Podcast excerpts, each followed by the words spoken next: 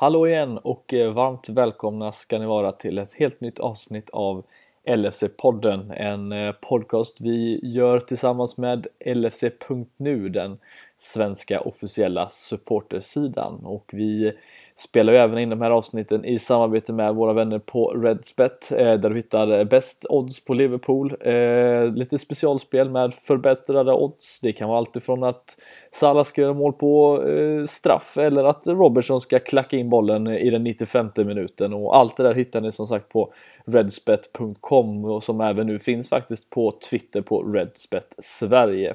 Eh, sedan vill jag slänga in en liten påminnelse om att vi dessutom utöver podden Away kommer göra en liten specialresa med CL-podden där vi kommer åka och se Liverpool-Napoli när Champions League avgörs den 11 i 12 och det finns 20 platser att kunna boka sig till. Eh, ni hittar all information om den här resan på vår Twitter LFC-podden. Eh, nu tänker jag att vi kör igång kvällens avsnitt.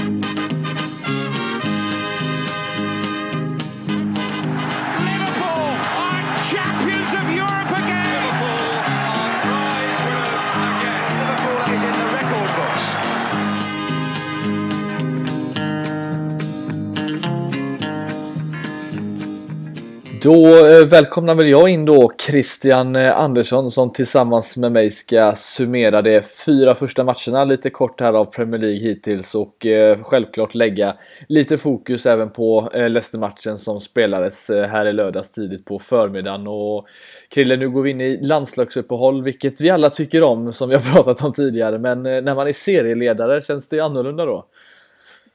Lite annorlunda kanske. Och det är ju, vet ju folk sedan tidigare att jag är inget direkt fan av lands, eh, landslagsfotboll. Men just nu tycker jag att det faktiskt är lite skönt att det kommer ett uppehåll. Och det kan vi komma in på lite senare med. Men också så givetvis eftersom att vi ligger i toppen av Premier League så är det lite extra skönt på det här sättet. Mm.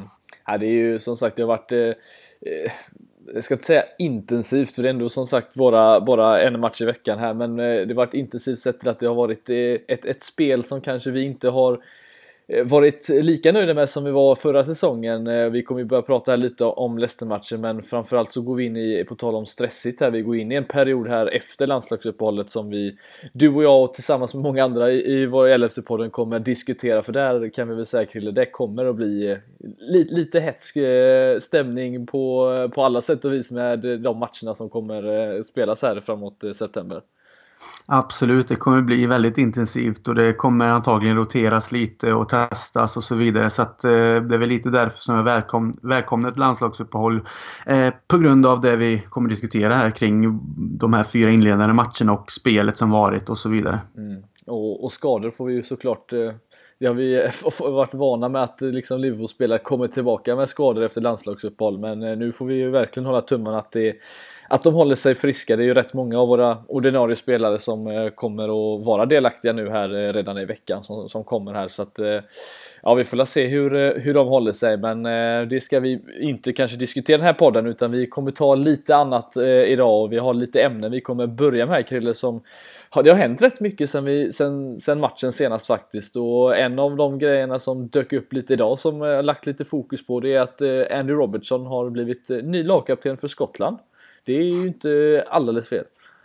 Nej, det är inte fel någonstans och det säger väl väldigt mycket om vilken, eh, vad ska man kalla det, kometkarriär han mm. har fått sedan han kom till Liverpool och säger väl också väldigt mycket om den karaktären han är som både spelare och person. Att han får ta den eh, skotska eh, lagkaptensbinden då. Han är ju liksom inte gammal heller och kanske inte Alltså, även om han spelat för Skottland innan så känns det som att han har etablerat sig nu både som spelare i Liverpool och i sitt landslag. Så att, eh, nej, det är han liksom värd utan tvekan. Så det, det är kul att eh, det uppmärksammas när någon presterar på en sån hög nivå på det sättet som han har gjort sedan han faktiskt fick chansen hos oss. Och att det då utmynnar i kaptensbindeln i Skottland. Så det är grattis till Robertson. Ja, det får vi igenom. Jag satt faktiskt och eh, scrollade ner lite på Twitter så såg jag någon hade retweetat, du har säkert sett den också, eh, tweeten som handlar upp, jag vet inte om det var 2000 det var 2012 eller 13, något i den stilen, när han skrev eh, att, eh, att den här åldern och inte ha några pengar är fruktansvärt jobb, jobbigt och så skrev han hashtag I need a job. Skrev han.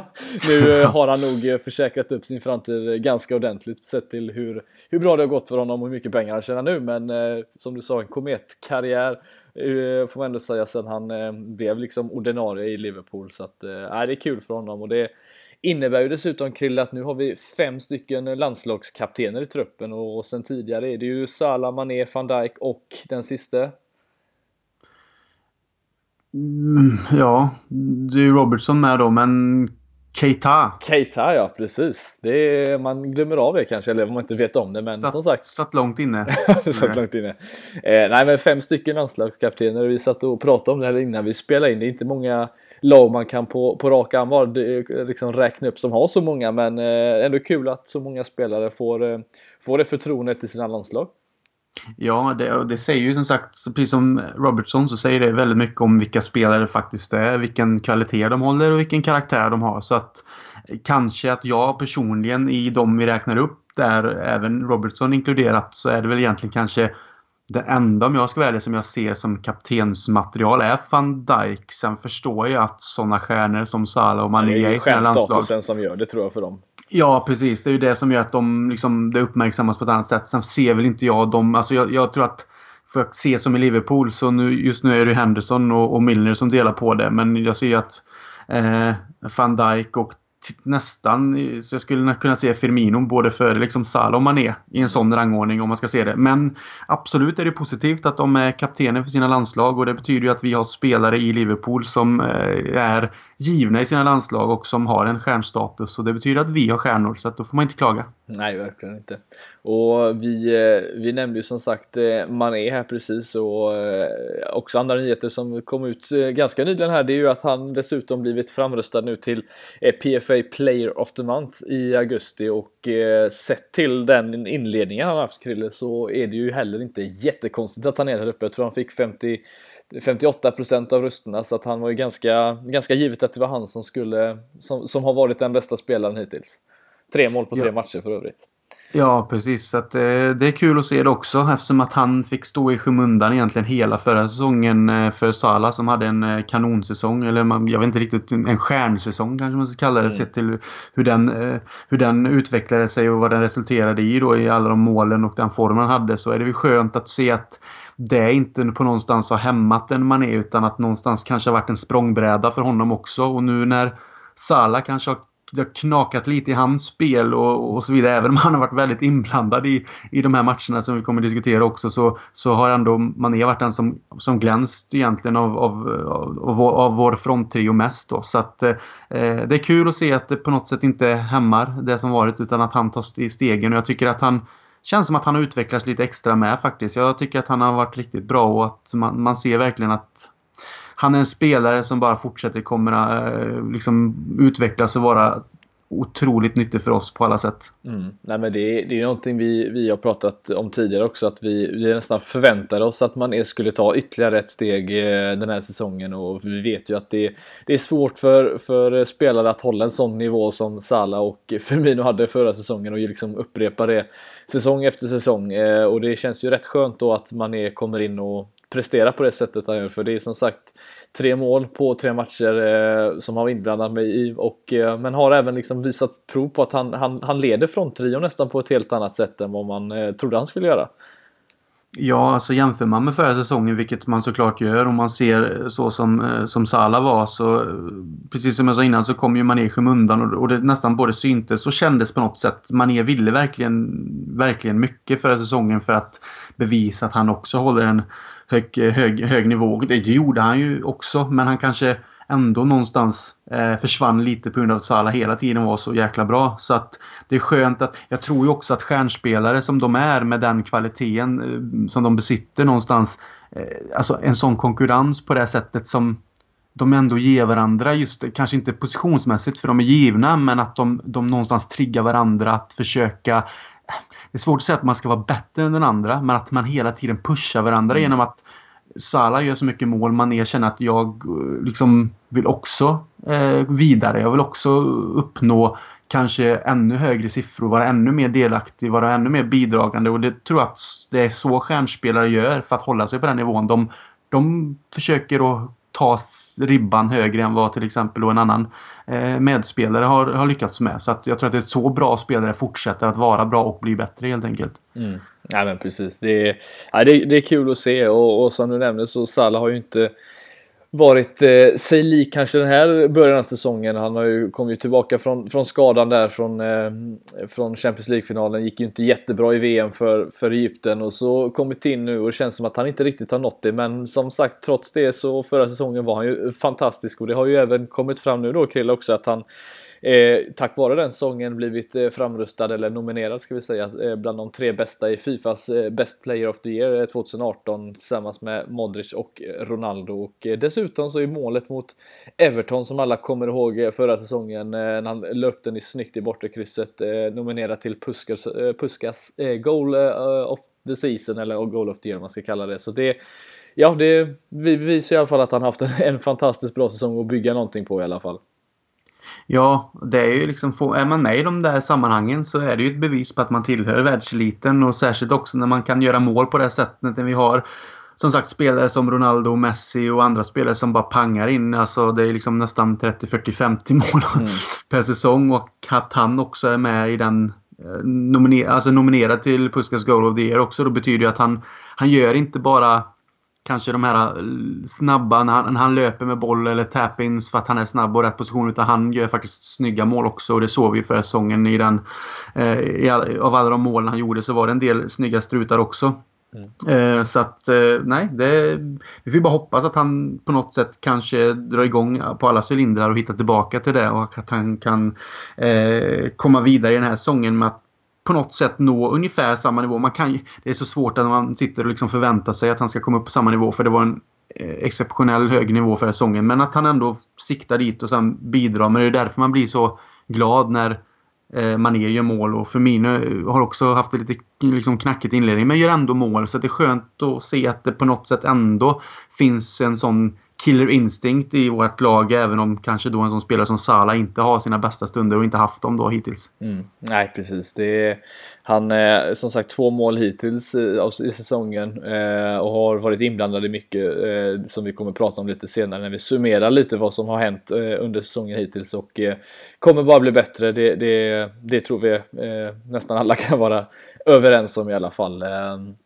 men det var lite av det som i alla fall har hänt här Krille eh, under, eh, ja, sen, sen lördagsmatchen mot Leicester. Och det är egentligen den vi ska lägga mest, fokus på här. Och eh, ja, det, har, det finns en hel del att ta upp i den här matchen kan vi säga. Och vi kan väl börja lite med förhandssnackisen som jag vet att många eh, var lite fundersamma på. Eh, ingen Keita från start, eh, istället Jordan Henderson, kapten in på mittfältet. Och Klopp pratade väl att han, visserligen att han vill ha den här rock solid eh, liksom mittfältet eh, plus att de som spelar där eh, startar den här matchen nu, Milner, Wijnaldum och Henderson, det är ju de som spelade den sto ja, stora delar av slutet av förra säsongen. Och ja, var det, var det rätt av Klopp att, att starta kaptenen före Keita i det här fallet?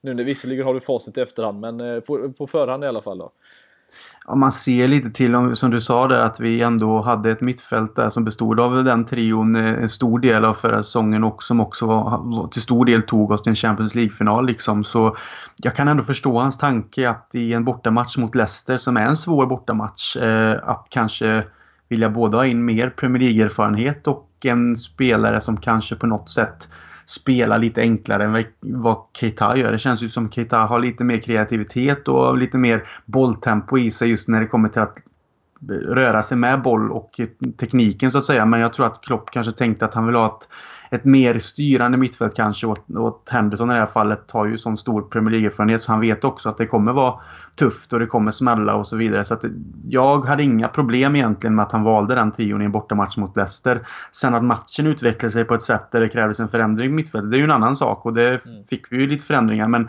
sett till innan matchen startade så tycker jag absolut inte att det var något konstigt utan jag kan förstå den tanken och att kan nästan ändå känna att det kan ju inte säga att det är så Klopp tänker, men det är så jag ser det när den uppställningen kommer. Liksom att mer erfarenhet, lite mer eh, den här typiska engelska tuffheten och sen kanske lite mer att liksom fördela bollar istället för eh, kanske då försöka gå framåt kreativt mittfältet och så tappa bollen för kontringar och försöka kanske då hitta bollar in, instick egentligen då till våran fronttrio. Så att det kändes lite mer uppstyrt och lite mer eh, ja, det här som vi har lärt oss med Milner och Anderson på det här sättet. Att, liksom att man, man lägger ner jobbet helt enkelt och eh, det är hela tiden 100% på att eh, kämpa och kanske inte ha det här, kan man kalla det finliret som Keita har, har i sin repertoar men som kanske inte riktigt behövs i den här matchen på det sättet.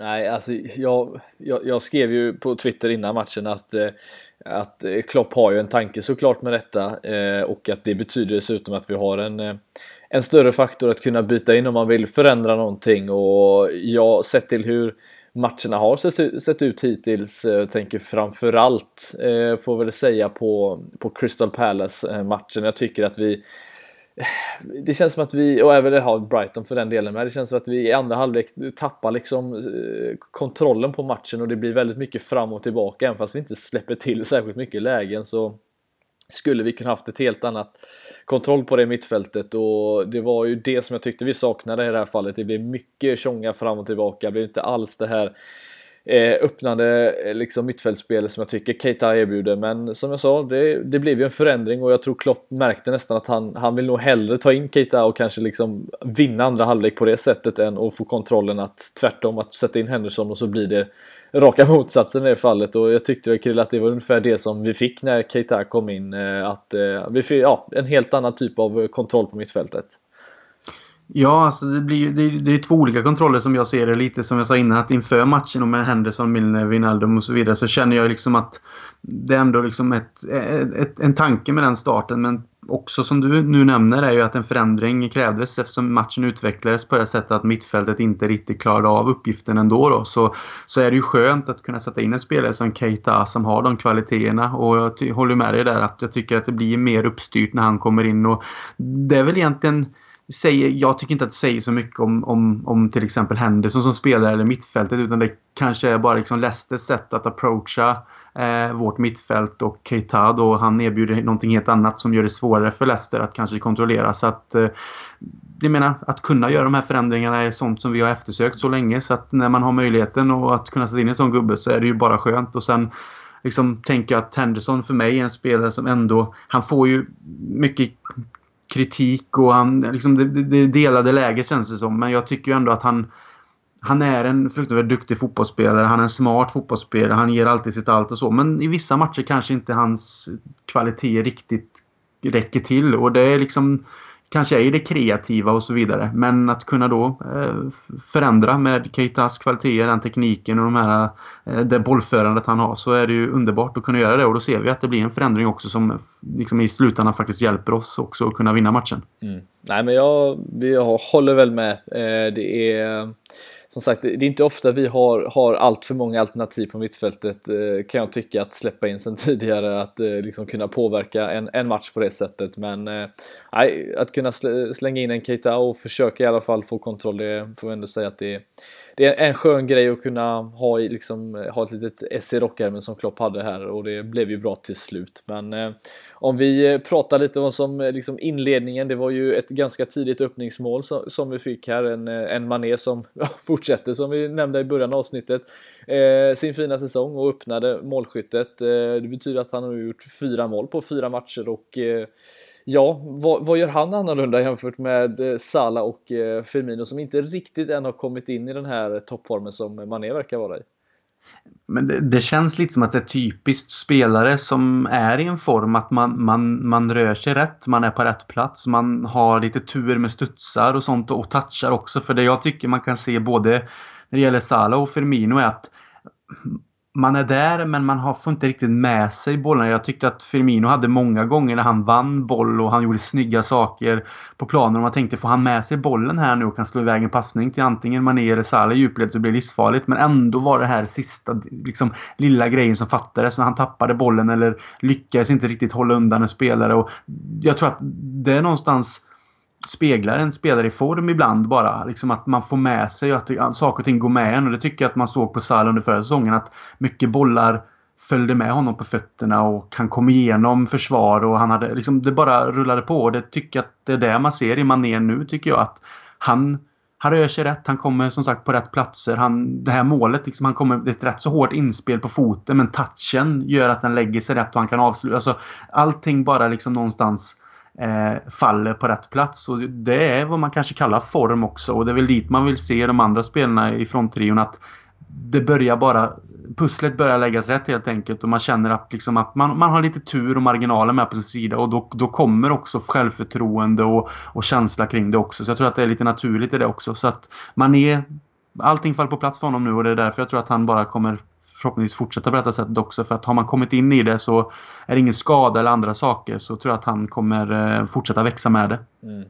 Alltså jag tycker bara det är så fantastiskt att, att man kan ha en sån spelare som man är och, och även fast eh, om vi tar, håller oss till börja med Firmino i det här fallet då som du sa, man, det är nästan lite, lite förvånande hur, hur ofta han liksom vann tillbaka men ändå tappade bollen ganska omedelbart och fick inte alls riktigt med sig dribblingarna på sitt sätt. Han, han, han eh, lyckats tidigare och eh, ändå så är det han väl egentligen vad jag kunde läsa mig till statistiskt sett den spelaren, eller anfallaren i alla fall, som har lyckats med flest, flest tacklingar den här säsongen, hela 15 stycken på, på fyra matcher. Så att det säger ju ändå en hel del om honom eh, ja. på något sätt. Men eh, ändå så är det ju ändå talande att det, det är ändå han som också gör det här som jag får säga, viktiga 2-0 målet innan halvtid som vi som sagt inte ofta får med oss kan jag tycka, men vi gjorde det mot West Ham och det visade sig att det liksom blev någonting annat istället för 1-1 så blev det 2-0 och eh, fick han öppna sitt eh, konto för säsongen också och eh, han är ju under, eh, under Klopp styr i alla fall den spelaren som har varit inblandad i flest mål, hela 37 eh, mål och 23 assist hittills eh, och det är Även han är inte bra så är han jävligt bra kille. Ja, alltså även om man inte har fått till den här spjutspetsen som vi någonstans såg förra säsongen. För vi har ju pratat om tidigare säsong, innan förra säsongen så sa vi att han är ju liksom en oerhört nyttig spelare och han gjorde sina mål men han hade kanske inte riktigt kommit upp i den här eh, målgörarrollen än. Men så förra säsongen tog han ju det steget också och pangade in mål och var fortfarande så pass nyttig så, som vi har vant, vant att se honom. Och nu som sagt så kanske det är lite att formen inte har riktigt kommit och han har inte kanske varit sett så farlig ut som sagt i de förra matcherna. Nu gör han ett mål och det är underbart och det kanske skjutsar iväg honom eh, mot lite högre höjder men samtidigt så är han ju fortfarande den spelaren som man aldrig skulle ställa utanför laget just för att som du, du säger han gör det här jobbet och han är så fruktansvärt nyttig. Så att oavsett liksom man tänker att ja han är inte han är, han är lite iskall liksom just när det kommer till eh, målfronten då, även om han nu gjorde mål så är det ändå det så att han, han bidrar med så jäkla mycket annat. Så att eh, hoppas bara att det här målet kan göra att han någonstans, att det lossnar och att han både fortsätter med det sköna jobbet han har och sen att han fortsätter att göra mål för att han är, han är en klassspelare för Mino, absolut. Mm. Nej, verkligen. Det är bara att hålla med och jag kan tycka att det eh, eh, det finns många spelare som just, gör just det här jobbet. Du, du nämnde Milner förut också, eh, som man vet lite vad man får, eh, liksom lägger ner arbetet nu.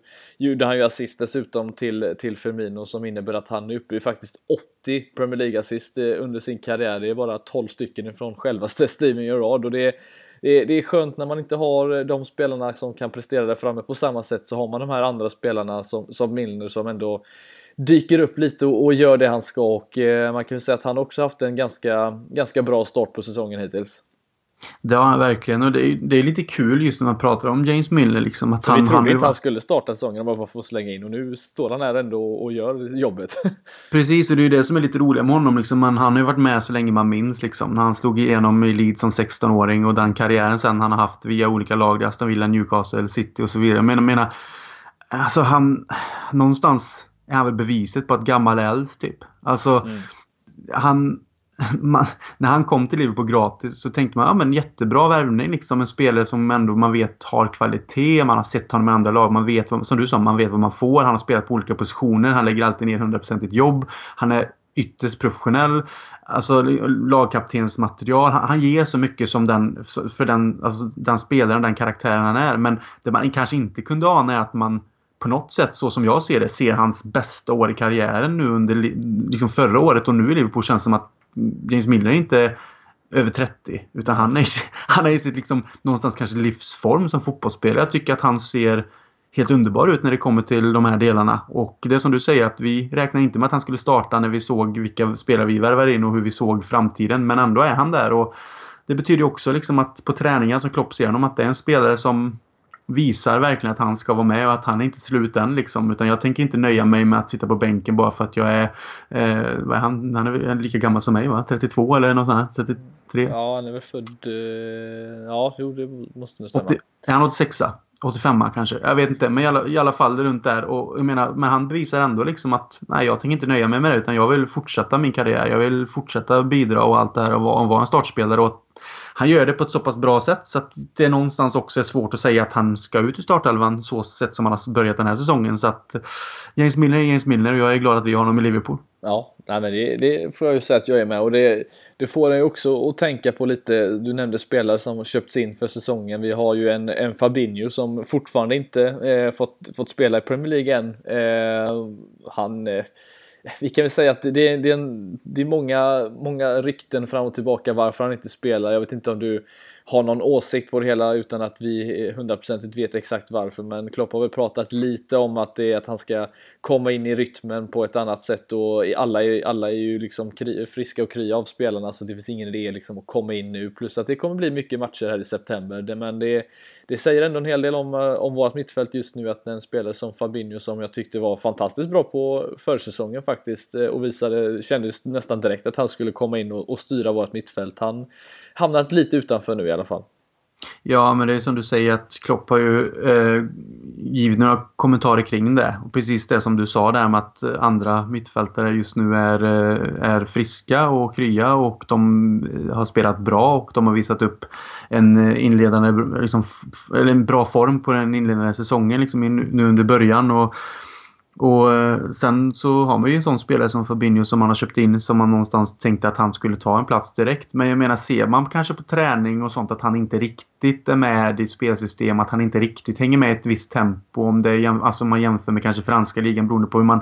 Liksom det, mycket kan ju ha mycket beroende på hur man tränar i olika lag och vad man lägger fokus på allt det här. Och det kan ju vara så att de vill fasa in honom utan press när vi ändå har en trupp och mittfält som ändå klarar av att göra jobbet. Så att han har ju själv också gått ut någonstans vad jag har läst och han sagt att vi spelade med en annan taktik i Monaco. Det var två innermittfältare. Här liksom tre som delar på ansvaret i olika roller. Så jag menar, jag oroar mig inte utan det är som du säger, det kommer mycket matcher nu och han kommer få sin chans. Och han är inte köpt av konstig anledning utan han är köpt för att han ska kunna ta en plats och vara ett ankare. Men jag menar om konkurrensen ändå höjer nivåer på andra spelare som då bevisligen går in och tar en plats så är det ju upp till honom senare också att försöka fighta om det. Och vi kommer få se honom spela och gör han det jävligt bra så tror jag också att han kommer liksom få en plats på mittfältet eh, under den här säsongen. Så att eh, man får väl bara vara glad att det är som det är och så får han bira sin tid och så hoppas vi bara att det blir bra. Liksom. Mm. Nej men precis, Nej, det är, kommer, han kommer säkert vara startspelare mot, eh, mot Chelsea i, i, eh,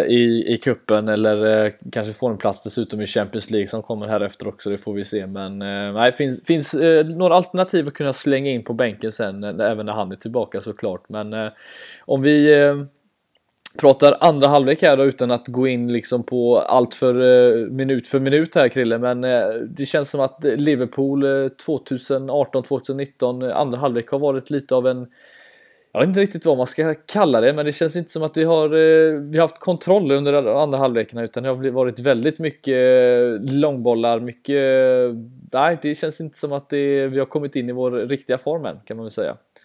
Nej, det känns inte som att hela laget går på den här cylindern som vi återkommer till att, i alla fall jag återkommer till att kalla det, men just som från förra säsongen då nästan kändes som allting klaffade. Utan det, det fattas något fortfarande. Vi tappar i andra halvlek nästan helt. Eh, Leicester är ju spelmässigt mycket bättre och de, eh, de pressar oss också och skapar målfarliga chanser och så vidare. Så att eh, nej, det kändes inte bra det. Trots att vi då som sagt gjorde det där förlösande 2-0 målet precis innan halvtid som är så underbart att få. Liksom man, när Firmino nickar in den så känner man bara yes. För att där någonstans kanske luften går ur Leicester. Liksom. 2-0 underläge på hemmaplan.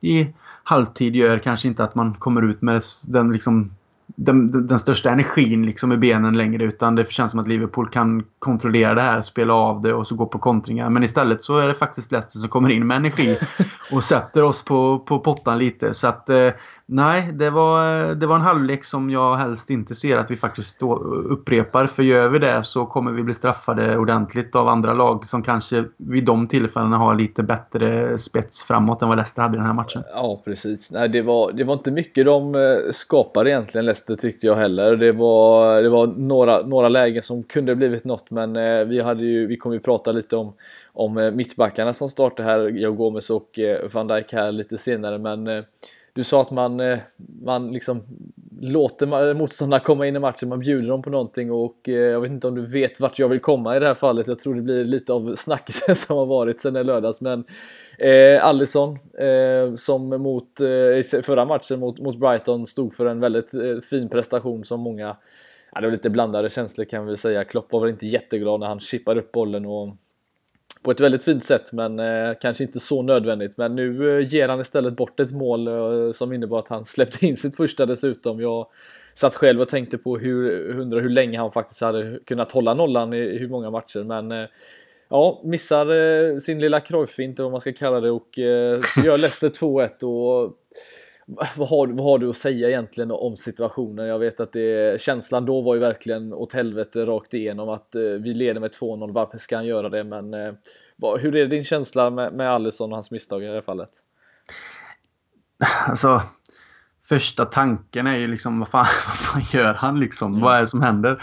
Eh, men när man ser tillbaks lite på just situationen i sin helhet, hur den uppstår, så är det ju liksom... Joe Gomez gör det ju jäkligt snyggt i backlinjen där och, och kommer loss med bollen. Och sen är det ju ett spel ändå tillbaks till eh, van Dijk och så går han ju tillbaks och det är ju inte den världens bästa bakåtpassning heller. Men man, när den bollen kommer ut på det sättet så ser man ju hur Harrison går ut och man, man känner ju nästan i hela hans kroppsspråk att han ska bara skjuta upp den. Liksom. Det är inga konstigheter. Man känner att ja, det, vi kommer ur en liten pressad situation i backlinjen och så får eh, målvakten skjuta upp den och så får vi flytta upp laget och så vidare. Men istället då så se, ser man att han gör den här halvtaskiga finten, tappar bollen så resulterar det i 2-1 mål som man kände aj, aj, aj, det här kan liksom bli, bli farligt. Men just där och då. Sen så får man ju...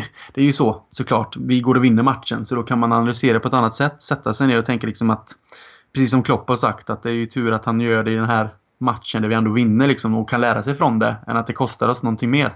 Men jag tänker inte dra för stora växlar av det. Jag menar, man ser på Alisson att han på något sätt vill anamma det här spelet med fötterna som jag tror att både han själv känner att han besitter men som han eh, även Klopp vill att vi har. Att vi spelar oss ut från målvakt och framåt. Att vi behöver inte slå långa bollar och sen tappa då en eventuell andra boll till motståndarna liksom. Utan men det känns som att han kanske vill det lite väl mycket. Och det, jag tror att det bara handlar om att avväga situationerna. När, när är det läge att ta bollen eh, liksom lugnt och säkert med fötterna och hitta en väg framåt? Eh, när är det läge att bara tjonga iväg den? Och i det här läget var det egentligen... Han hade chansen, att som sagt, som han gjorde, ta emot den och kanske på något sätt läsa läget ändå. Men när han istället ska göra finten, det är då han trasslar in sig i den här situationen.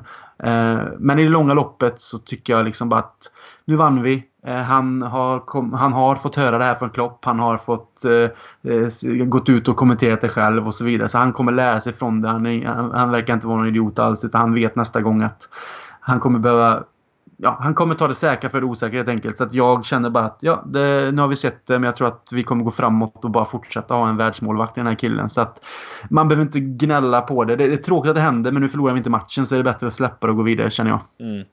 Nej, men det är, jag har väl blandade känslor kring det hela. Jag tycker väl att det är eh, som du säger med, med Joe Gomez där eh, att han, eh, han står lite fel. Joe Gomez han erbjöd faktiskt inget passningsalternativ neråt eh, i det fallet, men jag tycker väl att han ska att Alisson ska dra iväg den bollen såklart. Han, eh, han har eh, man, man, såg, var det James Madison som, som eh, var på honom där va? Eh, och eh, man såg nästan på honom att han, han avbröt lite i sitt pressspel, typ som att han visste att han kanske skulle göra någonting och det, det är lite det som är problemet för mig nu att nu kommer ju Allison, nu kommer det vara så att det är ingen som kommer gå på hans grejer längre. De kommer, eh, han kommer inte kunna liksom vara lika iskall längre som han har varit tidigare. Eh, nu kommer de flesta som springer och jagar honom att de kommer nog inte glidtackla för, eh, och fullfölja en tackling utan de kommer nog eh, ligga kvar och se ifall han ska göra någonting. Och det får han väl ta på sig själv. Men jag tycker att det här är någonting man ändå får med Allison, att, eh, att man får liksom acceptera att det här är hans sätt att spela. Och det sista vi vill göra är ju egentligen kan jag tycka att, att man vill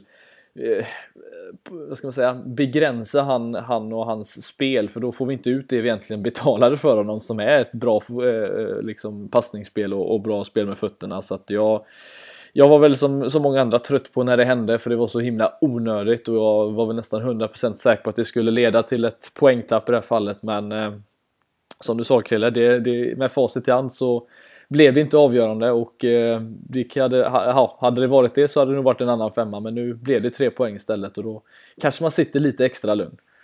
Ja, och sen tror jag som du säger också att liksom, det är klart att han inte ska begränsas i sitt spel och det, det, är en del av hans spel och det har han sagt själv och det är vad Klopp ville ha också. En målvakt som är säker med fötterna. Han har hittat väldigt fina passningar under de inledande matcherna liksom och, och han är duktig och, vi, och jag ser gärna att vi har en målvakt som har de kvaliteterna. Att han kan liksom lugnt och säkert få tillbaka, en tillbakapassning och sen hitta vägar där vi vinner boll framåt igen. Liksom genom att antingen spela upp i banan eller ut på en... Alltså vad som helst egentligen. En långboll med att han sitter liksom på den så kallade läppen. Liksom, när man, mm. och, och, det är skönt att se. Och sen att han har kvaliteterna i sitt andra målvaktsspel med räddningar och reflex och han är fysiskt stark och han äger sitt område. Liksom så. Men, men det är som du säger, liksom att det här är en del av det. Och, men, men det han lär sig från det här är ju att kanske då liksom att ja, han kommer inte sluta använda sina fötter. Han kommer fortfarande ha, använda det till stor del. Men att han väljer liksom att eh, avväga. När är det värt att eh, behålla bollen vid fötterna och hitta andra vägar. När är det värt att faktiskt bara slå bort den. Liksom, beroende. Han får liksom helt enkelt eh, eh, analysera situationen snabbt och se vad som är farligt eller inte. Och så jag litar ju på honom fullständigt ändå. Jag menar, han får bara lära sig av den här situationen och så gå vidare därifrån. Mm. Nej, men det, det, är väl just det att han... Eh, vi, vi, vill ju att han ska liksom bara få känslan av att, att nu ska jag banne mig dra iväg bollen för att det liksom han vinner inte särskilt mycket på att göra det allt för mycket och dribbla på det här sättet för att det är, det är inte många, jag tror inte det är många spelare på planen heller som, som kanske står där och förväntar sig att han ska göra det utan de, de förväntar sig att kunna ta en löpning och sen få en boll och, men eh, nej, det är som du säger, man får väl hoppas att han har lärt sig av detta och jag tror att han var väl ganska snabbt ute och sa efteråt matchen, eh, både han och Klopp, att det här var sista gången han, han har lärt sig av detta. Han var besviken och bad om ursäkt såklart för det. Så att eh, nej, han, vi får väl snarare vara nöjda med att han kändes annars, annars väldigt stabil för att eh, om det är någonting som är lätt att träna bort så är det väl en sån grej snarare än att lära en målvakt att stå rätt som han dessutom gjorde i matchen rätt mycket. Eh, om man ser det så då Krill, att han Eh, tog de bollen han skulle eh, och var väl till, till och med nästan nära att rädda det här skottet som till slut blev mål när han fick eh, rusa tillbaka och slänga sig. Men, eh, så det är ju en fantastisk målvakt vi har här i Allison och ett mål insläppt eh, på fyra matcher får vi ändå säga är väldigt godkänt, eller hur? Mer ja, ja. Alltså, nej, alltså så, det han har visat på under de här matcherna som har varit i Premier League nu så tycker jag att det känns väldigt tryggt och han han, liksom, han räddar bollar, han står rätt, han kommer ut och tar både frisparkar och hörnor liksom, när de bollarna kommer inseglade i straffområdet. Så att den tryggheten som han redan har byggt upp hos mig som supporter men som också verkar kännas från backlinjen. Van Dijk har varit ute och pratat om det också. Att han har gett en trygghet till backlinjen och så vidare. Så att, jag menar, ja, det här misstaget, fine, men jag menar det han kommer ge oss i det stora eh, hela, det liksom kommer radera ut det här eh, liksom i, i det långa loppet rätt så snabbt tror jag. Så att, eh, nej, det är bara att njuta av att vi faktiskt har en, en världsmålvakt igen. Ända sedan liksom egentligen Pepe Reina hade sina glansdagar har inte vi haft det. Och nu har vi en målvakt som är 25 år som har många år framöver liksom i en stor karriär i Liverpool och som kan vara en avgörande faktor till att faktiskt kunna gå och vinna en titel eller inte sett till hur det har sett ut förut. Mm. Nej men verkligen. Och det, det känns väl som att han tillsammans med, med eh, mittbackslåset dessutom, i, som vi, jag tänkte vi skulle prata lite om Joe Gomez och eh, van Dijk, så det känns, det känns helt annorlunda eh, den här säsongen hittills. Det känns som att vi, vi släpper inte alls till så mycket målfarliga lägen heller utan det känns som en, en annan typ av stabilitet och det får man väl tacka Joe Gomez eh, som eh, blev matchens lirare som dessutom stod för en, eh, jag vet inte om det var innan målet, innan den eller om det var efter när han stod för den här fantastiska brytningen på skottet där som resulterade i en oh, fin block. men fantastisk han har varit den här säsongen Krille, han har ju verkligen tagit det steget hittills som, som vi har pratat om så många gånger att ska det hända, kommer det hända och nu har det hänt. Ja, så kan man, precis så kan man lägga upp det. Men det är lite kul för eh, redan, jag sa det tidigare, jag tror att det var du och jag Fredrik med som satt och mm, spelade in eh, podden då och som diskuterade. Och jag sa att just Joe Gomez har visat från första stund när han köptes in till Liverpool att han har någonting extra när han fick spela och debutera under, under Rodgers till och med tror jag det var. Mm. Eh, och att det fanns någonting där. En ung kille som redan visar sån mogenhet i sin spel och det här har vi pratat om. Men just att nu han kommit in som mittback för att spela jämte van Dijk och ha den mentorn. Och han har tagit egentligen bara steg efter steg efter steg i de här matcherna och visar verkligen vilka kvaliteter han besitter. Och det är liksom kul att han får visa upp det här för det liksom gamla storspelarprofiler som till exempel Gary Lineker går ut på Twitter också och säger liksom att här, här, har, Eng här har England en framtida stor mittback. Liksom. Mm. En världsspelare egentligen i framtiden på den här positionen sett till de kvaliteter han har. Och den här blocken som han gör att han, han liksom kommer från ingenstans och bara har fram ett ben. Och det är ju, det är ju antagligen, jag skulle liksom vara säker på att det blir ett mål där. För det hade inte, jag tror inte att Alisson hade lyckats eh, att ta den bollen. Men där dyker han upp Gomes och han, han är följsam i sitt spel. Han känns liksom självförtroende, fysiskt stark, allting egentligen. Så att eh, det blir svårt för Lovren att komma tillbaks mm. eh, från den här skadan han har haft och sen tro att även med den förra säsongen i bagaget och ett bra VM att han ska kunna peta den här Gomes. För Gomes just nu, han liksom han kör bara på så att eh, Nej, jag, jag, tycker det är underbart att vi har sett den här spelaren som som 17-åring kommer till Liverpool och har ändå då haft problem faktiskt med skador måste vi ändå säga. Mm. Att det, sånt har ju satt sina... Man tänker att ah shit, ännu en en stor talang som redan blir, får karriären förstörd av skador som kanske aldrig riktigt uppnår potentialen som han besitter. Men det känns som att han har lagt det bakom sig och lyckats komma ifrån det skadehelvetet. Tagit extra kliv och på något sätt nu... Jag menar, får han fortsätta så här så tar det inte lång tid innan han är en av Premier Leagues bästa mittbackar. Det lovar jag säga. För att det han bevisar när han spelar, är, trots sin ringa ålder, är det är stort spelande. Liksom, som man kanske ser från mittbackar som har lite mer eh, år på nacken och mer erfarenhet. Och jag tycker att det finns en ledaregenskapskänsla i honom också. Liksom, att han då trivs jämte som van, Dijk, som van Dijk som också är en ledare, inte konstigt. Utan här, för för de spelar ihop sig, så har vi ett mittbackspar som håller eh, ja, yppersta världsklass faktiskt. Mm. Nej men jag, jag, kan, jag, ja, jag kan bara instämma. Jag, har ju min uppfattning vad, vad som har hänt visserligen med honom, men vad, vad tycker du han, han gör annorlunda med eh, liksom det, ja, det han har presterat här nu utöver att han då har van Dijk bredvid sig, men vad tycker du att han har förbättrat som gör att han just nu kan prestera på det här sättet? Är det något eh, anmärkningsvärt som, som har hänt eller är det mer att han har liksom blivit lite mer varm i kläderna så att säga? Men både varm i kläderna såklart och sen att han har fått erfarenhet av att spela ytterback innan. Men det har ju varit lite kanske en position han har känt sig lite Eh, alltså, även om han har gjort det bra så kanske han har känt att han inte riktigt har kommit till sin rätt där. Och han har ju sagt det själv, eller jag tror jag läste någonting på Twitter också väldigt snabbt där med att han har alltid sagt att han vill spela mittback. Och det, det är ju spelare som såklart man känner sig att här vill jag spela men kanske inte alltid får det för det är managern som väljer laget. Men det känns som att det är där han känner sig säker. Det är där han vet vad han kan erbjuda och det jag tycker han är jäkligt bra i är att gå upp i rygg på Eh, på spelarna som han eh, markerar och bryta och jag tycker att han eh, han håller undan sin spelare bra också på det sättet och han tar ett djup när han behöver. Han, han läser spelet helt enkelt bättre som en mittback än som ytterback. Liksom där han några, några stunder har blivit bolltittande och tappat sin gubbe. Här känns det som att han är mer i kontroll och vet vad han ska göra. Så att egentligen är det kanske inte så mycket som har hänt utan han spelar bara på en position som han någonstans det, det, det är den rollen han det är den spelaren han är och den rollen han vill ha. För det är då han märker själv att han får ut mest av sitt spel. Så att, eh, såklart, erfarenhet och utveckling är ju en del i det. Men det känns bara som att det blir som en, liksom, vad säger man, handen i handsken när han kommer som mittback. Mm. Alltså jag, jag tycker också att han, han erbjuder ju framförallt en grej som jag...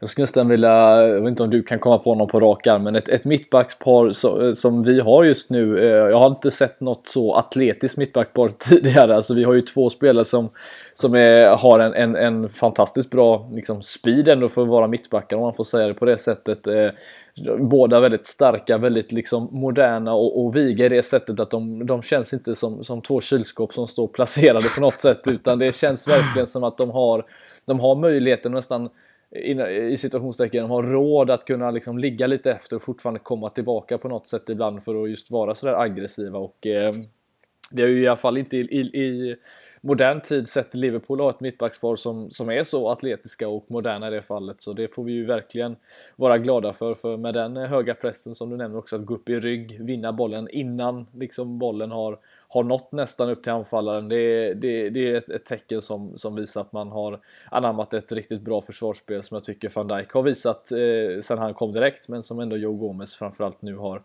visat eh, prov på också. Så att det, är, det är kul att vi har två så fantastiskt bra mittbackar och som du sa, Joe Gomez kommer bara bli bättre och eh, skulle inte förvåna mig om han fortsätter så här är liksom på, på landslagsnivå och startar här snart med för så pass eh, så pass bra är han eh, och eh, det ska bli kul att, att följa honom eh, eh så länge hans skador håller sig, eh, eller så länge han håller sig borta från skadorna och det får vi hoppas Krille för då kan det bli en riktigt fin mittback i, det här, i Gomes. Ja, absolut. Och det är, jag har sagt det förr, jag kan säga det igen. Jag ser ju lite, även om det inte är riktigt samma, så ser jag ju vissa likheter med Rio Ferdinand när han var liksom i sin... Mm. Så som han kom fram och den, spelaren, den spelartypen han var som mittback ser jag även i Gomes. Det, det, det är inte, he, inte 100% samma, men det finns en del av det. Och vi vet ju vilken mittback Rio Ferdinand utvecklades till att bli. I, eh, för, både som först som sagt väldigt ung då i, i Leeds och sen under en lång karriär i Manchester United där han var med och vann liksom allt. Så att, kan vi få den utvecklingen på Joe Gomez och en som du säger atletisk mittback, smidig, eh, snabb, följsam, brytningssäker, fysisk. Alltså liksom all around på det sättet som en mittback så ja, det finns ingenting att klaga över utan då har vi en av de riktigt, riktigt eh, ja, bästa i Premier League framöver. Så att eh, vi får bara hoppas att han egentligen ger den karriären som Ferdinand gav till United. Vi får vi hoppas att Joe Gomez lyckas ge till Liverpool helt enkelt. Ja, nej men det, det kan vi väl hoppas. Och eh, som jag sa, det stabilt kändes det och efter eh,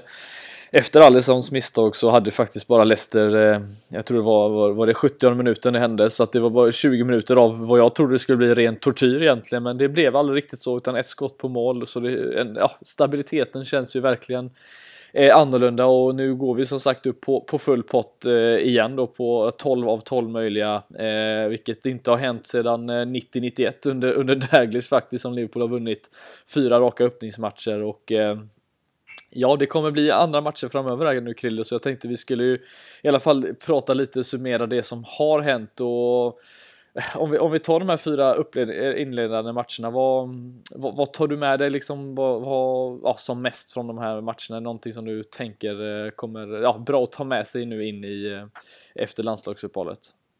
Ja, det första som jag själv har tänkt på är att vi faktiskt liksom går och eh, vinner matcher utan att komma upp i den på den nivån som liksom vi vande oss att se Liverpool förra säsongen. Så kommer vi upp i, vi kommer liksom upp, inte alls upp i den nivån utan vi är på en på en helt annan... Alltså vi är inte där riktigt än och vi har spelare som liksom eh, behöver komma på komma igång helt enkelt. Men vi vinner ändå matcherna och det är det som är det viktiga helt enkelt. Att vi liksom tar de här poängen och det är det jag tar med mig. Att vi ser inte det Liverpool som vi såg förra säsongen utan vi, men vi lyckas ändå vinna. Och det är de vinsterna i det långa loppet som också förhoppningsvis kan vinna en ligatitel. För det, det är de matcherna man måste lyckas ta full pott i, i nästintill varje match när det inte riktigt funkar. När man ändå kan nöta och få in en boll och vinna med eh, liksom ett mål eller, och, och komma vidare på det här sättet. Vi, vi, vi vande oss att se ett liv på förra säsongen som, som bara rullade på och vann med liksom 3, 4, 5 6-0 och liksom det var, det var målkavalkader och det var en fronttrio som bara liksom... Ja,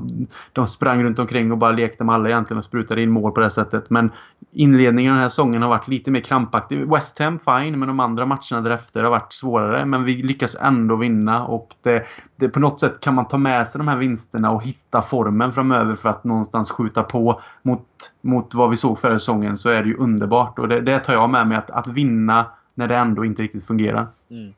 Jag vill ändå, ja, jag, jag håller ju med dig såklart. Det är, det är någonting man eh, velat se ganska länge. Ett Liverpool som vinner oförtjänt på något sätt. Eh, man kanske börjar starkt och, och gör ett öppningsmål och sen håller det kontrollerat och inte släpper till allt för mycket. Men ändå inte spelar bra. Det, det får man ändå ge. Men jag vill ändå lyfta ett litet varningsfinger att, att det inte liksom jag vet inte om det är liksom Klopp har någon form av tanke att kanske inte ha samma typ. Jag har inte sett den här liksom höga pressen riktigt än. Vi såg det visserligen när, på Brighton målet vi gjorde.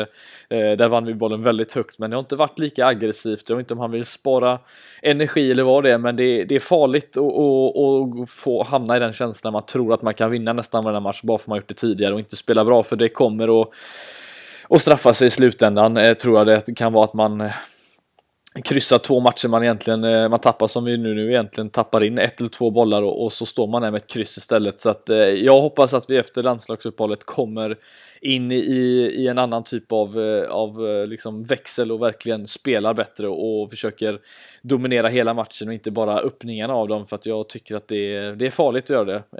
Jag vet inte om du känner samma sak men det, man kan, kommer komma undan några gånger men inte under en hel säsong. Det kommer man inte göra tyvärr.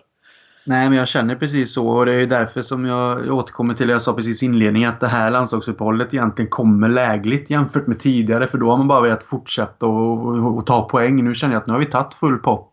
Eh, det har inte riktigt fungerat. Vi har haft halvlekar där spelet har eh, ja, nästan till varit riktigt dåligt och vi har bjudit in motståndarlaget och så vidare fast vi då ändå lyckats vinna så känns det som att kanske är bra att få lite tid där nu. Visst, spelare åker iväg på landslagsuppdrag och vi hoppas inte att det blir några skador men det kanske ger lite tid till Klopp och, och, och tränarstaben och även andra spelare och så vidare. Liksom att man, man får andas lite och analysera på ett annat sätt och man kanske förhoppningsvis då kan slå igång det igen när det kommer tillbaka. Så det känns bra med en paus nu även om abstinensen efter Premier League-fotboll finns där. Så just Liverpools del om man tänker på resultatmässigt och att man ska gå framåt med att hitta en form så känns det som att det är rätt så lägligt att få en liten paus. Mm.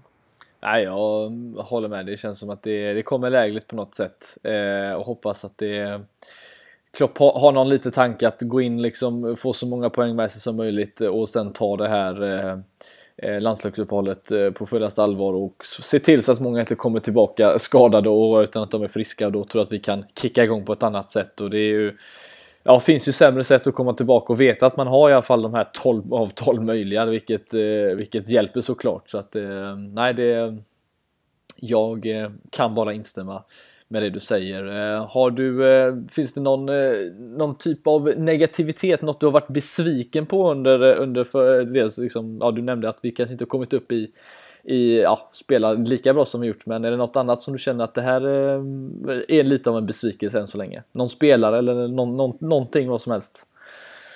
Egentligen inte, utan alltså, inte någon direkt besvikelse för jag tycker att laget fortfarande kämpar på tillsammans. Man, man ser att det finns en lagmoral och en laganda som gör att man då faktiskt i min mening går och vinner de här matcherna när det inte riktigt funkar men man fortsätter tillsammans att kämpa. Istället för att eh, våra, kanske då de här Sala, Firmino. Eh, nu, nu lyckas ju Mané ändå glänsa och göra mål men de andra som inte riktigt klarar av det så visar ändå laget på att man har en lagmoral. Backlinjen är stabil. Det finns, det, det finns en pondus i det så att jag känner att det finns ingen negativitet egentligen. Jag tror att alla siktar mot samma eh, mål och man går åt samma håll tillsammans. Man har en plan, man vet vad managern vill, man vet tillsammans vad man vill, man, man har självförtroende, man vet vilka spelare man har i truppen.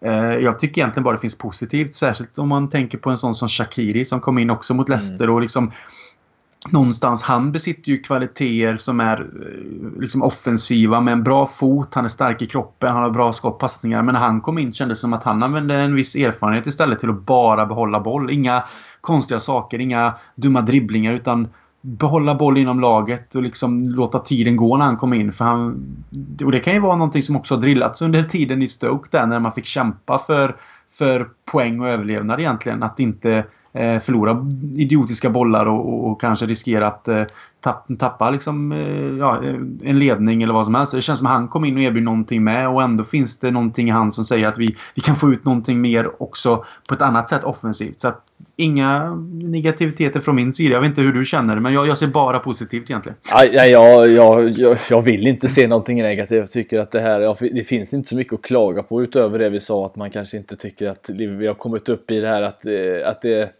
sånt flow i spelet utan att det är lite halvknackigt. Men om det finns någonting jag bara liksom hade, hade lite haft högre förhoppningar på det var väl att vi hade att, att eh, framförallt Sala tycker han har han har sett att han, han sett lite för ivrig ut om du förstår vad jag menar. Att det känns som att han, han, han vill inte tålmodigt vänta på att chansen ska komma utan han vill gärna så snabbt som möjligt skapa den. Och det var väl lite det som, som jag tyckte Shakiri som nämnde gjorde lite annorlunda. Att han, han sökte faktiskt boll eh, och eh, inte tog de här liksom löpningarna bara i djupled som till slut då hade blivit en, en långboll på, på chans till, till honom utan att han, han sökte upp eh, och vill liksom ville, ville sköta uppspelet själv på något sätt och jag tyckte att det gav oss en, en annat lugn i spelet och hade väl hoppats att Salah hade kunnat ta det lite lugnare, tycka att han har sett lite för ivrig ut. Men eh, utöver det så nej, finns egentligen ingenting att, att klaga på. Eh, jag ser ju hellre att vi går in och, och spelar knackigt och tar de här 12 av 12 och en, en liksom att man spelar bra och tar de här poängen men sen går in i någon form av rutt eh, när man inte, inte riktigt får det att funka och, och inte alls tar någon, några poäng som man, eh, några sådana extra poäng. Så att nej, jag har eh,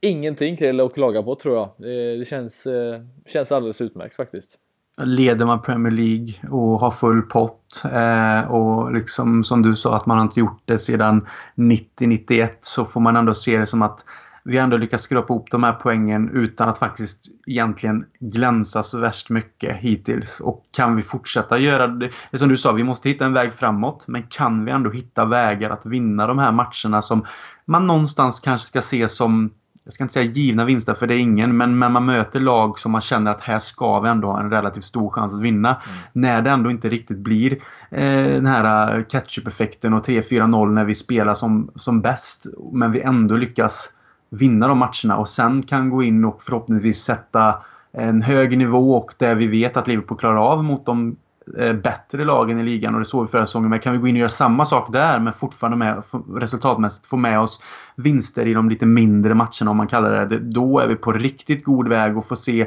Alltså ett vinnande lag, för det är så man vinner titlar. Man kan inte alltid tro att man kommer spela på topp, men när man inte spelar på topp så har man fortfarande kvalitet, viljan och kämparinstinkten att faktiskt liksom eh, vad ska man kalla det, liksom någonstans skrapa fram en vinst genom att bara nöta liksom. Så att eh, nej, det är bara att egentligen blicka framåt. Nu kommer det ett tufft spelschema, det kommer tuffa matcher så vi får ju se vad som sker. Men jag menar att gå in i det läget med de här fyra vinsterna är ju liksom bara 100% perfekt. Så att eh, det är bara att satsa vidare och hoppas att vi kan fortsätta och ta om, vi, om, om inte vinster i vissa svårare matcher i alla fall ta poäng liksom och få med oss en, en, en bra form framåt och att då våra spelare börjar hitta tillbaks till vad vi har vant oss vid. Mm.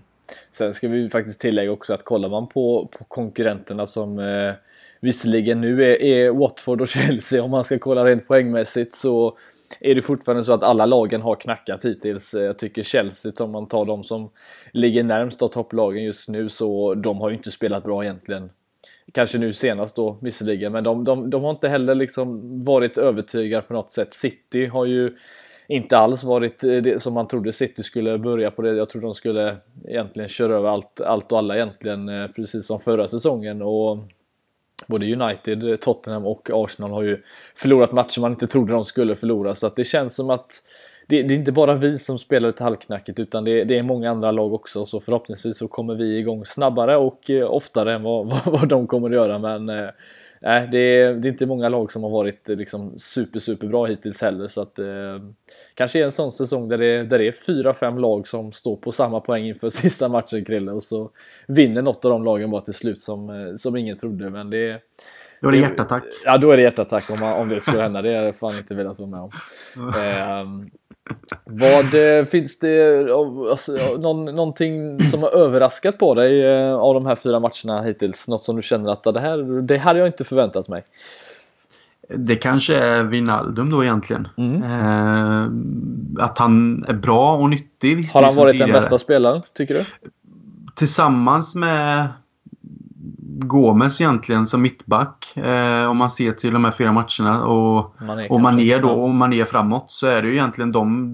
de eh, Van Dijk har ju såklart... Man kan inte egentligen plocka ur honom ur den här ekvationen för han har varit man bra för första stunden. Man ska göra detta. Ja, precis. Men att, att Gomes någonstans, han har ju överraskat genom att faktiskt hålla de kvaliteterna som vi precis har pratat om. Men, eh, och Mané har ju påbörjat säsongen på eh, bästa sätt. Men då om man ser mittfältet, om man hade höga förväntningar på Keita så, så har han ändå visat vad han besitter men kanske inte riktigt än kommit upp i den, eh, på den nivån. Men istället har ju en sån som Wijnaldum då, som vi vet är nyttig, som vi vet är en duktig fotbollsspelare, smart och han har lungor och kapacitet och allt det där. Men att han faktiskt tar den här lite sittande rollen som han har haft och gör den egentligen. Någonstans kände man bara, men han har gjort den lite till sin nu. Liksom, man kan inte flytta en spelare som gör det här så bra. Men, men han, han ger ju så många alternativ också mittfältet. Så att han är väl kanske den största överraskningen att han att han anammar en sån plats direkt och gör det så bra. Så att det är också liksom underbart att se. Så Gomes, Wijnaldum och Mané då om man ser till de fyra matcherna vilka som har stuckit ut lite extra. Eh, och sen givetvis att eh, oavsett eh, den här eh, tabben som Alisson gjorde nu mot Leicester att se en målvakt som när han förväntas göra riktigt bra räddningar så gör han dem liksom. Och det direkt. Jag känner direkt bara när man ser honom spela och när han räddar. Man, man, det är något lugn som infinner sig jämfört med tidigare och det är fruktansvärt skönt att nästan sitta och någonstans känna att en, ett misstag finns i varannan, varannan bolltouch nästan. Och det låter hemskt att säga men det är lite så det har mm. utvecklat sig de senaste åren med både Mignolet och det vi såg av Karius också då. Så att även om jag tycker att Karius gjorde en bra säsong överlag förra året så fanns det många konstiga misstag också. Eh, lite stunder som... Och det, då växer ju nervositet fram och sen just att det resulterar i vad som hände i, i Champions League och blev liksom toppen på ett, på ett isberg och, och sen att det blev Alisson på det då. Men att han har kommit in och visat den pondusen redan och att han känns bara som en trygghet oavsett det som hände. Så att, eh, nej, det, det känns, känns faktiskt jättebra. Jag vet inte, är det någon som du känner speciellt eh, positivt som du känner att du vill ta med dig framåt? Då? Nej, men jag, jag, hade velat, jag hade velat se Shakiri lite mer. Jag tycker han har överraskat när han kommit in och visat att han... Det känns som att han har spelat i det här laget längre än, än några veckor eller några månader i det här fallet. Det känns som att han verkligen har anammat det, det här eh, spelet och, och, vill verkligen visa på något sätt utan att överdriva på något sätt så vill han ändå visa att han, eh, han, han, eh, han skulle lika gärna kunna starta för det här, eh, det här laget om han om någon spelare inte fortsätter att prestera så nej, jag, jag håller annars med Wijnaldum att han har varit våran bästa mittfältare hittills rent spelmässigt och har visat det i både som sittande mittfältare i vissa matcher han har fått spela men även som en av de tre om man får kalla det då. Så att nej, jag... Men, men då får man inte glömma Milner? Han har också varit Nej, men, ja, men precis. Han har väl stått för liksom de här assisten på det sättet. Wijnaldum är ju ingen i Liverpool är han ju ingen poängspelare som han var i Newcastle. Då spelar han visserligen längre fram och jag vet inte om vi kan förvänta oss riktigt det heller. Men han, eh, han visar just prov på det att han, han vinner tillbaka bollen. Han har ju en, en speed. Eh, han är ju som ett ånglok när han väl får upp farten på något sätt. Det är som att han, det går inte att stoppa honom. Och jag hoppas väl att han kan eh, bygga på det ännu mer för att jag tycker han nästan ibland begränsar sig själv. Jag vet att det finns så mycket mer att hämta hos honom och jag vet inte om det har att göra med att han inte vågar eller man har blivit tillsagd att inte göra saker men han, eh, han hade kunnat driva på eh, och eh, göra mer poäng än vad han gör. Eh, så att, eh, men han har fortfarande överraskat tycker jag att han har varit vår bästa mittfältare. Eh, en av våra bästa på säsongen så att eh, det får han gärna bygga vidare på. Ja du Krille, det finns väl inte så mycket mer att säga att vi går in nu i, i landslagsuppehållet som sagt top of the League även fast jag inte gillar att säga det så här tidigt. Men eh, om vi kallar det i alla fall full pott, det är väl det för att säga att vi har gjort det vi ska göra. Eh, finns det någonting eh, du ser fram emot under landslagsuppehållet som kommer här nu? Igen, egentligen inte om jag ska vara ärlig. Jag, det, det passar sig bra för jag åker på på en snabb, en kort, kort jobbresa till ja, Manchester av alla städer. Men det, det, det, ingår, ingår i det och det är under landslagsuppehållet. Eh, så att det, det får vara okej. Okay. Och sen ser jag väl egentligen bara fram emot att det drar igång igen och att det då blir Tottenham eh, borta som mm. väntar. Och det är spännande så att jag, jag har faktiskt varit i samtal med Erik Niva att gästa oss. Sen om mm det blir, eh, blir tillfälle och tid för det. Han har ju som alla vet ett fullspäckat schema. Men han är, han är verkligen sugen. Han, han svarar och han, han vill. Men det handlar ju lite om vilka andra åtaganden han har så att säga. Men han var ju med för inte så jättelänge sedan när vi pratade inför Champions League. Eh, Eh, om det var semifinal eller final kommer jag faktiskt inte ihåg nu. Det var finalen. Då var han ju med. Och han, han var ju säker på att vi skulle vinna med 4-1. ja, nej, men han är ju han är en underbar person att prata med och jag har fått äran att träffa honom och så med. Men jag har snackat lite med honom och hoppas att han kommer att gästa oss inför Tottenham då som alla vet är hans lag och att vi kan prata lite djupare kring både mötena mot Liverpool men också Tottenham som lag för han kan ju sitta så att säga. Så det ser jag fram emot om något och hoppas få en klarhet i att det blir något som vi kan spela in inför Tottenham-matchen. Ja, men det låter alldeles utmärkt. Ehm, och så får vi som sagt eh, slänga ett Eh, ja, påminner återigen, vi har ju en hel del grejer som börjar närma sig här. Vi har ju eh, podden away, är vi inte allt för långt borta från här nu heller. Eh, och det kommer komma lite, lite mer eh, nyheter framåt här som ni får hålla koll på, på liksom inför resan på våran Twitter, att LFC-podden. Och som jag nämnde i början, Redspet har ju även nu på ett, ett Twitterkonto, Redspet Sverige, så ni får gå in och följa våran samarbetspartner, så in och kika där. Och så även det som kommer komma upp lite, lite mer eh, nyheter kring och information om på våran Twitter. Eh, CL Away Krille kanske vi ska kalla den här gången för här är ju en liten resa som, eh, som Robin och Jocke kommer eh, från oss kommer att eh, ställa till med här lite. Och eh, ni kommer som sagt gå in på våran Twitter och, och, se allting som ni behöver veta egentligen där också. Annars Krille så tror jag att det här var allting. Vi kan väl avsluta och säga att i skrivande stund, eller pratande stund, så har Jordan Henderson skrivit på ett nytt långtidskontrakt. Det kommer vi nog prata om eh, mm, kanske i nästa vi. podd. Eh, mm. Men vi avslutar väl med att säga tack för att ni har lyssnat eh, och så ses vi när internationella fotbollen antingen har, eh, är under gång eller har avslutat. Vi får se lite när vi poddar igen, men det kommer bli ett avsnitt här inom kort eh, snart igen. Så tack återigen för att, att ni har lyssnat och så hörs vi snart igen.